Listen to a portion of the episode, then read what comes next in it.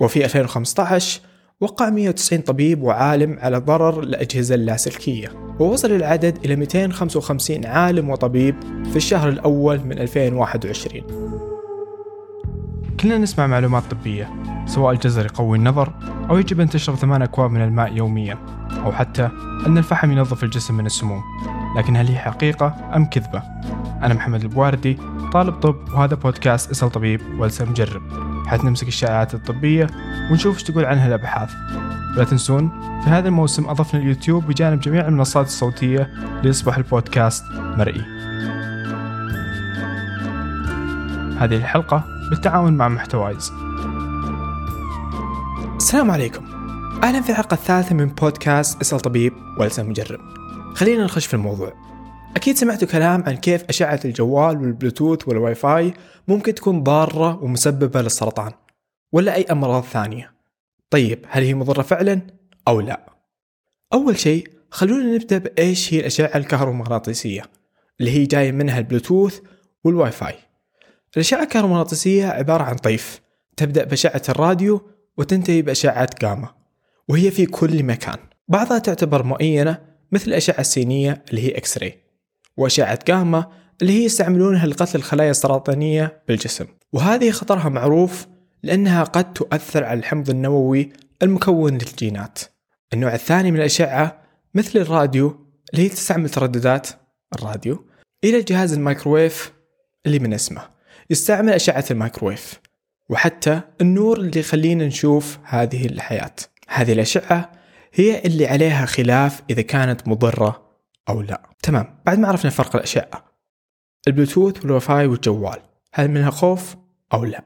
بالنسبة للبلوتوث فهي تستعمل ترددات 2.4 جيجا هرتز والجوال تستعمل نفس الترددات أو قد تستعمل 5 جيجا هرتز للواي فاي. طب من وين جاء الخوف من البلوتوث أو الواي فاي؟ بدأ حين صرحت الوكالة الدولية لبحوث السرطانات المعروفة ب IARC التابعة لمنظمة الصحة العالمية في 2011 قائلة. أن ترددات الراديو المستعملة في الجوالات قد تسبب سرطانات وحطوا خطين تحت قد. لكن الأدلة ما كانت كافية لتؤكد أو تنفي هذا الشيء. وفي 2015 وقع 190 طبيب وعالم على ضرر الأجهزة اللاسلكية ووصل العدد إلى 255 عالم وطبيب في الشهر الأول من 2021 ومن أسباب هذا الشيء ضعف المعايير العالمية بشأن الترددات اللاسلكية وما صرحت به الوكالة الدولية لبحوث السرطانات بأن الأشعة الكهرومغناطيسية قد تسبب سرطانات.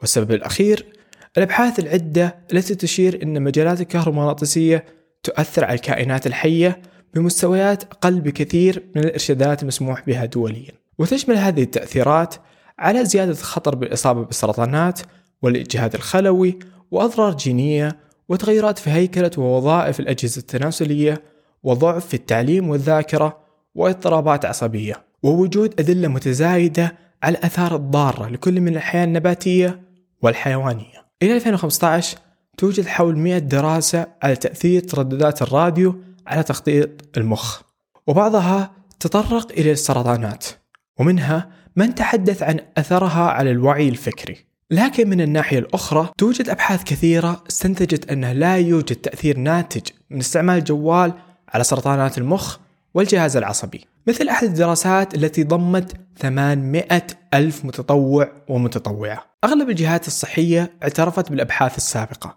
إلا أنها لم تجد أدلة كافية على الأخطار الصحية. فمثلا المفوضة الأوروبية رعت بحث استنتج أن صلة التغيرات الفسيولوجية قليلة وتبقى غير واضحة. وأيضا شرح آلية التغيرات غير متوفر إلى الآن. وأخيرا واحدة من أجمل الدراسات من ناحية التحليل الدقيق والتصميم تناولت تأثير ترددات الراديو على الإدراك البشري. وكانت نتائجها سلبية تماما. في النهاية في عوامل كثير تحكم على مدى خطورة الترددات.